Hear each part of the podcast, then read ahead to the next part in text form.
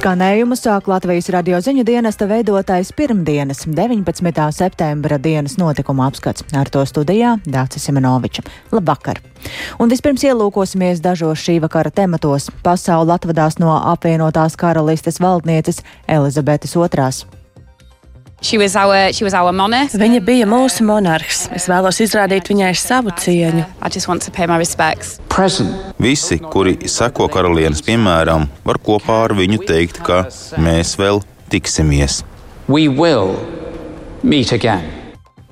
Krievijas armija diennakts laikā apšaudījusi vairāk nekā 30 Ukrainas apdzīvoto vietu. ASV analītiķi pieļauj, ka tuvāko nedēļu laikā Ukrainas karavīri domājams atgūs Helsonas apgabala rietumu lielāko daļu vai pat visus rietumus, ja izdosies pāraut Krievijas virzemes sakaru līnijas un pavirzīties uz priekšu. Un Covid izplatība sāk uzņemt apgriezienus, visbiežāk slimo skolēni. Es tomēr ceru, ka šī zima ir varbūt pēdējā zima, kad mēs saskaramies ar problēmām, ka nu, tas trakākais tomēr ir pāri.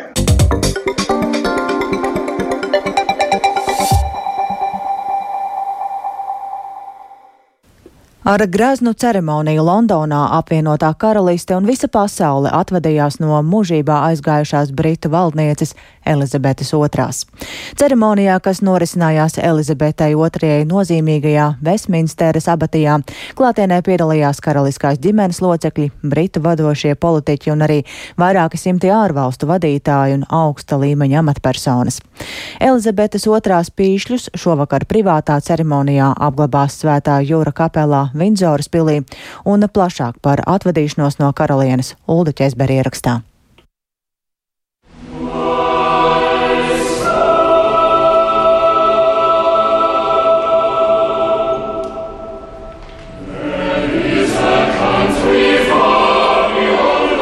Aptuveni 2000 cilvēku bija sapulcējušies Vestminsteras abatijā, kur norisinājās karalienes Elizabetes II bēru dievkalpojums. Klātesošo vidū bija gan Lielbritānijas jaunais valdnieks karalis Čārlis III un viņa tuvinieki, kā arī citu valstu monarhi un vadītāji.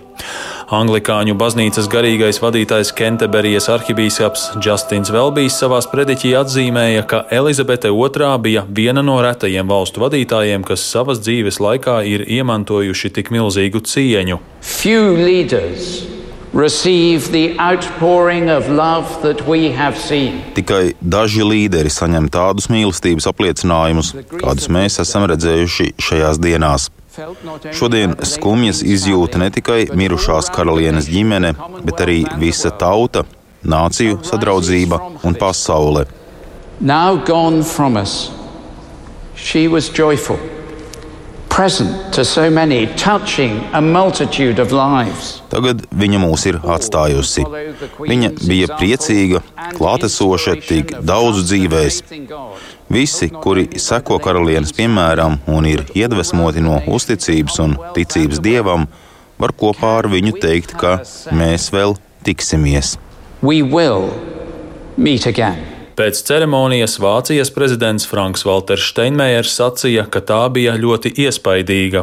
Glaube, Einzige, so sieht, habe... Nedomāju, ka esmu vienīgais, kurš tā domā. Vestminsteras abatijā redzēju daudzus cilvēkus, kuri bija ļoti, ļoti aizkustināti par vārdiem, kas tika veltīti mūžībā aizgājušās karalienes Elizabetes II piemiņai. Pēc bēru dievkalpojuma Elizabetes II šķirsts ar ratiem, kurus vilka 142 Lielbritānijas Lielbritānijas karaliskās flotes jūrnieki no Vestminsteras abatijas tika nogādāts līdz Wellingtonas arkai, kur to pārvietoja katafalkā. Pēc tam auto ar karalienes zārku devās uz Vindzoras pili. Ielu malās sapulcējušies cilvēki uzgavilēja kortežam.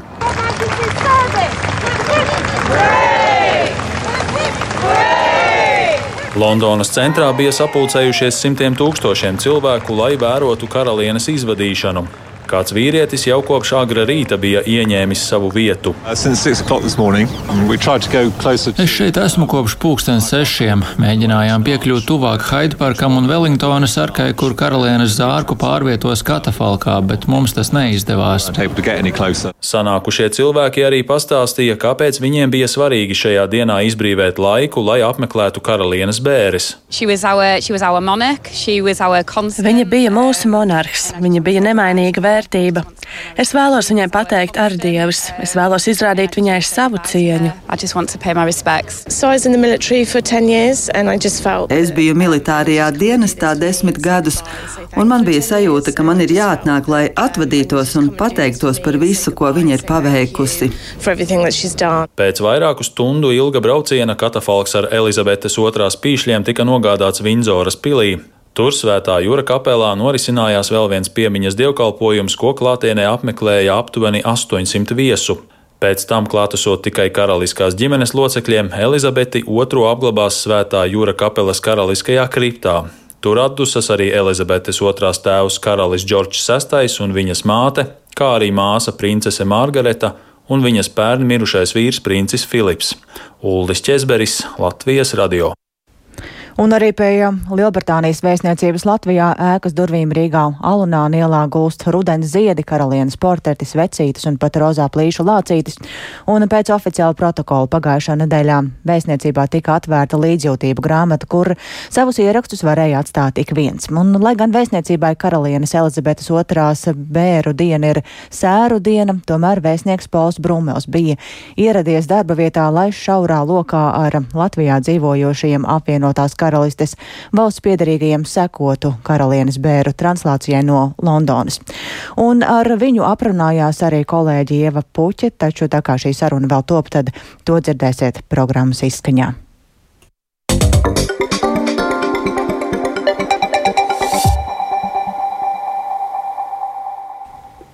Turpinoties kara darbībai Ukrainā, pēdējās dienas laikā no Krievijas apšaudēm cietusi infrastruktūra vairāk nekā 30 Ukrainas apdzīvotajās vietās. Krievijas karaspēks ar raķetēm naktī un šorīt apšaudīja objektus Zaporižjā, kā arī Dienvidu Ukrainas atomelektrostacijas industriālo zonu. Raķetē nokrītot 300 metru no kodola reaktoriem. Tikmēr artilērijas apšaudē Krievijas kontrolētajā Donetskas pilsētā Ukrainas austrumos ir nogalināti vismaz 13 cilvēku spēku. Savukārt ASV Domnīcas kara pētījuma institūts analītiķi jaunākajā vērtējumā par situāciju Ukrainā norāda, ka Ukrainas pretuzbrukums Hersonas apgabalā progresē. Plašāk stāsta Rihards Plūme. ASV analītiķi pieļauj, ka tuvāko nedēļu laikā Ukrainas karavīri domājams atgūs Helsonas apgabala rietumu lielāko daļu vai pat visus rietumus, ja izdosies pāraut Krievijas virszemes sakaru līnijas un pavirzīties uz priekšu. Dienvidos aizvadītajā diennaktī Ukrainas spēki likvidējuši vairākus desmitus Krievu okupantu, kā arī iznīcinājuši vairākas tehnikas vienības.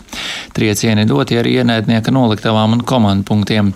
Ukrainas prezidents Valdemirs Zelenskis izteicies, ka kara frontē šobrīd notiek gatavošanās jaunam Ukrainas kara posmam, kas kādam var izskatīties pēc pieklusuma. Tikmēr atbrīvotajās teritorijās joprojām notiek Krievijas armijas pastrādāto noziegumu izmeklēšana, un Ukrainas ģenerālprokurors Andrijs Kostins norādījis, ka šobrīd fiksēti 34 tūkstoši kara noziegumu. Kostins arī atzina, ka Krievijas īstenotā Ukraiņu bērnu nolaupīšana un piespiedu pārvietošana uz Krieviju ir potenciāla genocīda elements. Līdz šim oficiāli esot identificēti vairāk nekā 5500 500 bērnu, kas tika nolaupīti un nosūtīti uz Krieviju. Bet, kā paziņoja agrārās politikas un pārtikas ministra pirmais vietnieks Taras Visockis, Ukraina 2022. gadā savu teritoriju okupācijas dēļ zaudējusi līdz 10 miljoniem tonu potenciālās ražas.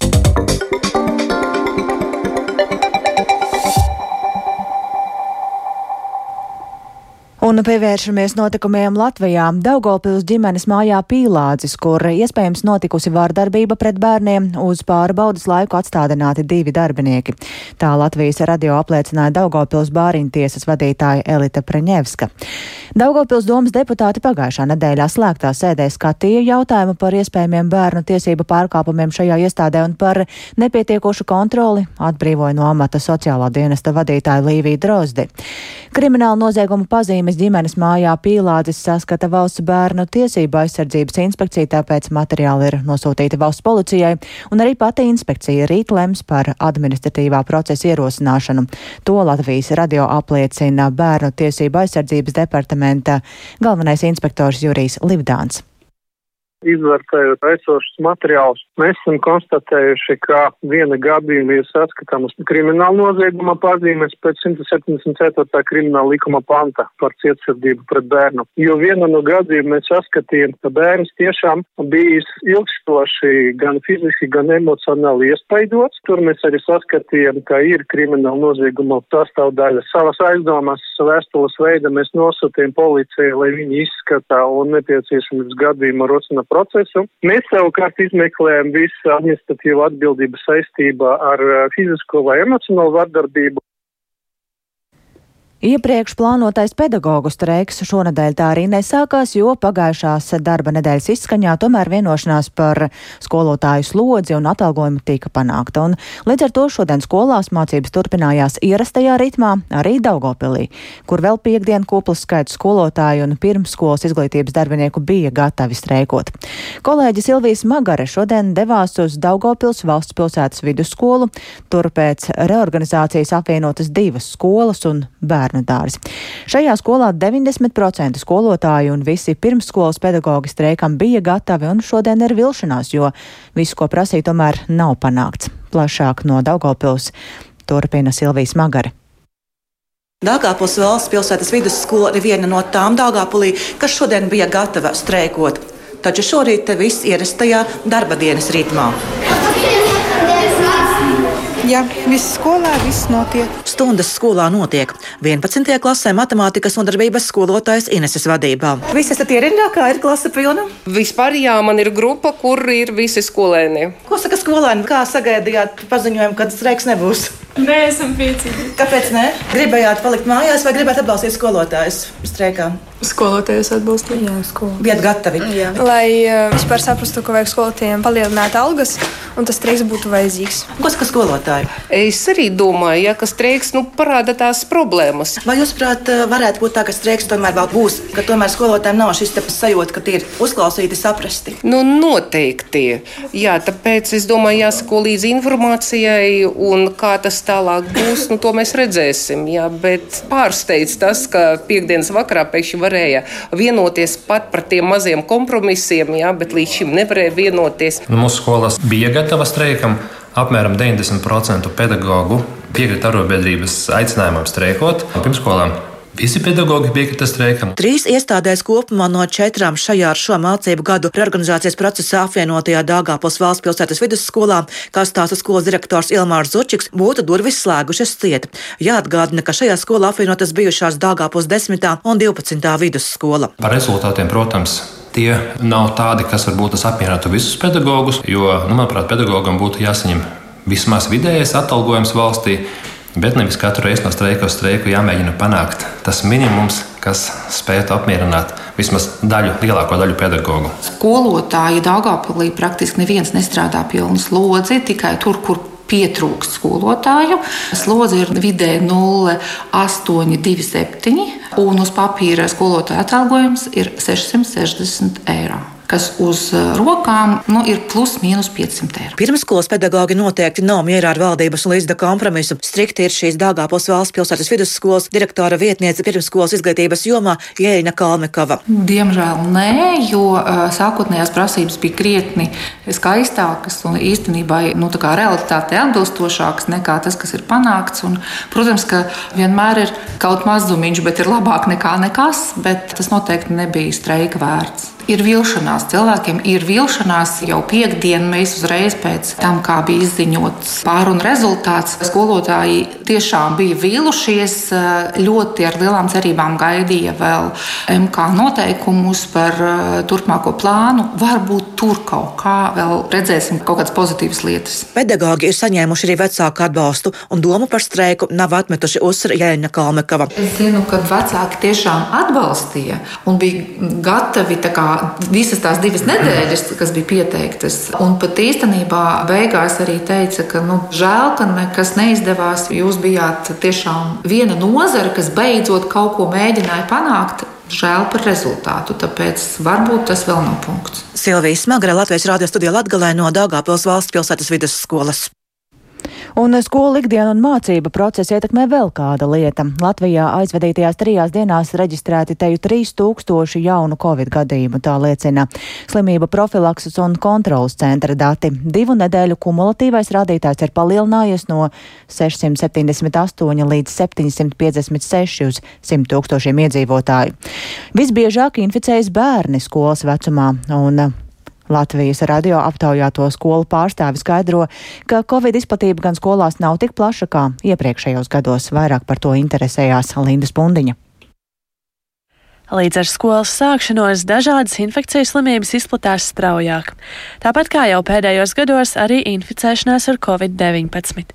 Pagājušajā nedēļā Covid-19 saslimšanas gadījumu pieaugums ir par 48%, salīdzinot ar nedēļu pirms tam, atklāja slimību profilaks un kontrolas centra epidemiologs Jurijs Perevoščikovs.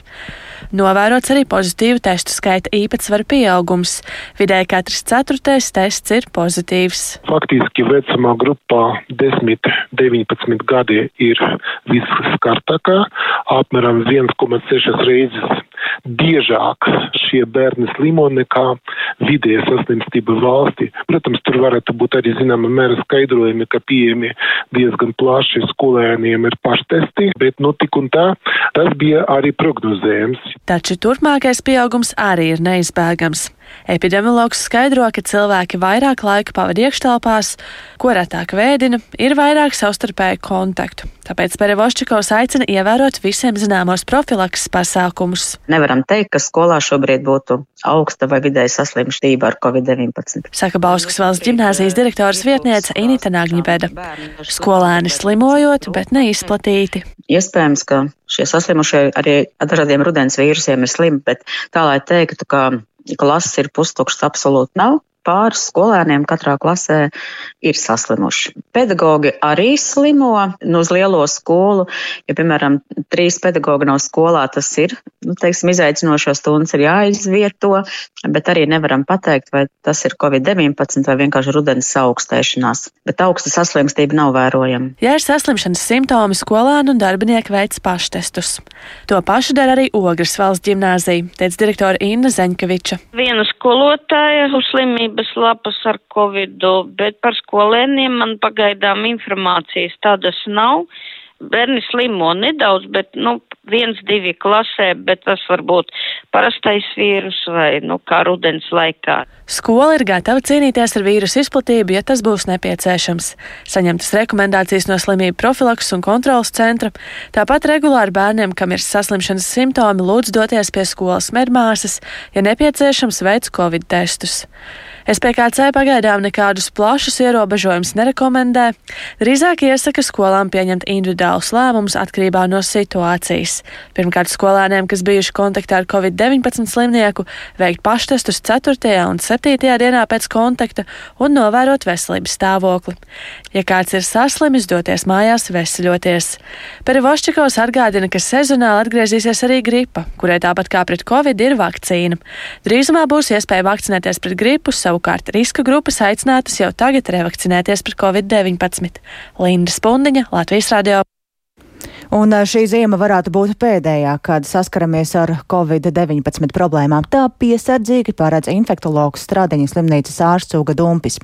Izplatoties omikrona variantam, saslimšanas gadījumu skaits varētu palielināties, bet tas veselības aprūpas sistēmu īpaši neietekmētu, tā prognozēja Dumpis.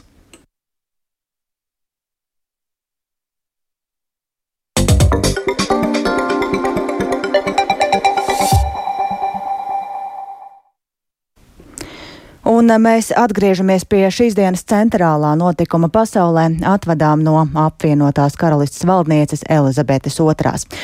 Un um, šodien uz sarunu kolēģi Ieva Puķa aicināja arī Lielbritānijas vēstniecības um, Latvijā, tātad vēstnieku Polu Brumelu. Ar viņu sarunu turpinājumā. So we've been delighted at the warm reaction of Latvians to.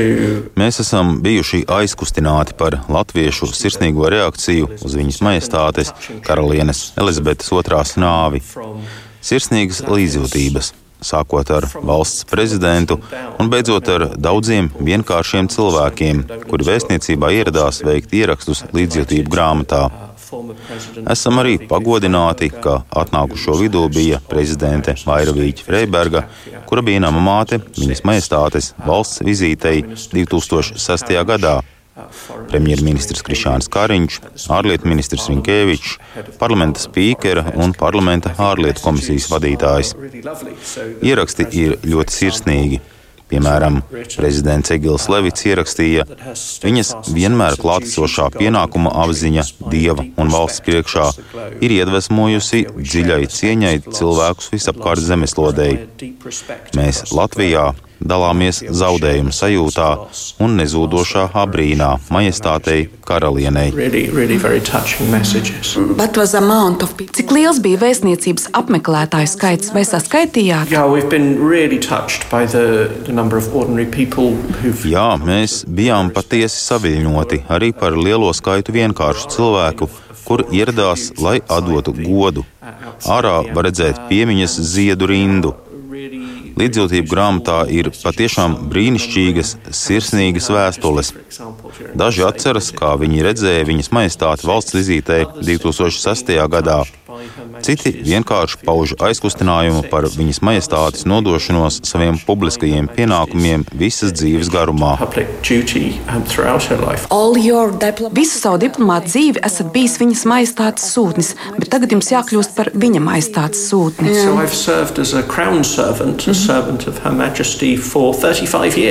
Jā, esmu kroņa kalps, viņas majestātes kalps, 35 gadus.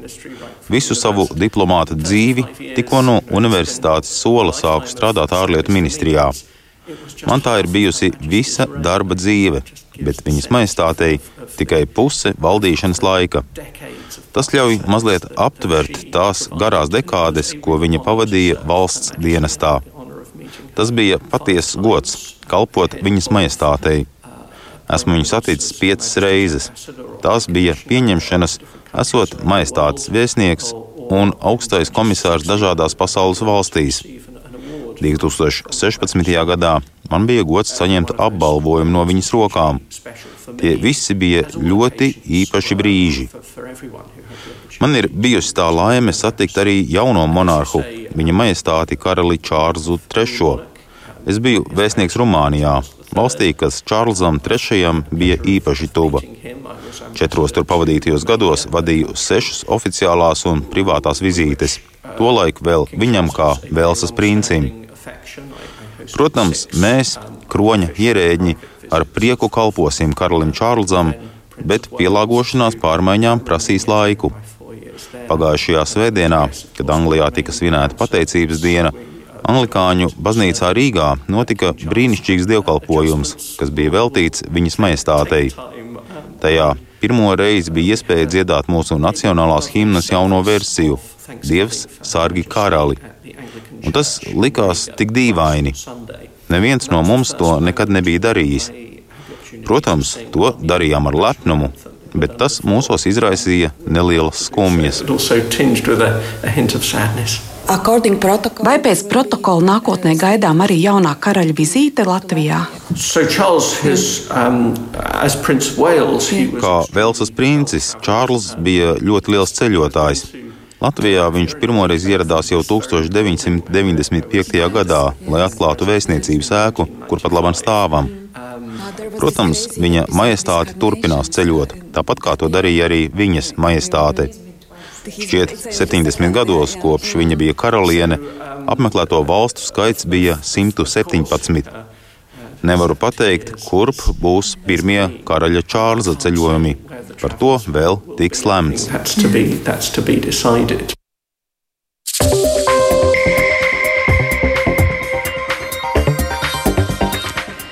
Un ar to izskan dienas notikumu apskats producents Edgars Kupčs, ierakstus montēja Renārs Šteimanis par labskaņu rūpējās Iveta Zvēniece, ar jums sarunājās Dācis Semenoviča. Vēlreiz īsi par svarīgāko pasauli atvadās no apvienotās karalistes valdnieces Elizabetes II. Krievijas armija diennakts laikā apšaudījusi vairāk nekā 30 Ukrainas apdzīvoto vietu, un Covid izplatība Latvijā sāk uzņemt apgriezienus visbiežāk slimo skolēni. Mūsu ziņām var sekot līdzi arī Latvijas radio viens Facebook lapā, tāpat arī sabiedrisko mediju ziņu portālā LSMLV. Redījuma atkārtojums ir meklējams raidierakstu platformā kā dienas ziņas un ir pieejama arī Latvijas radio mobilā lietotne, lai klausītos mūsu savā vietā runī.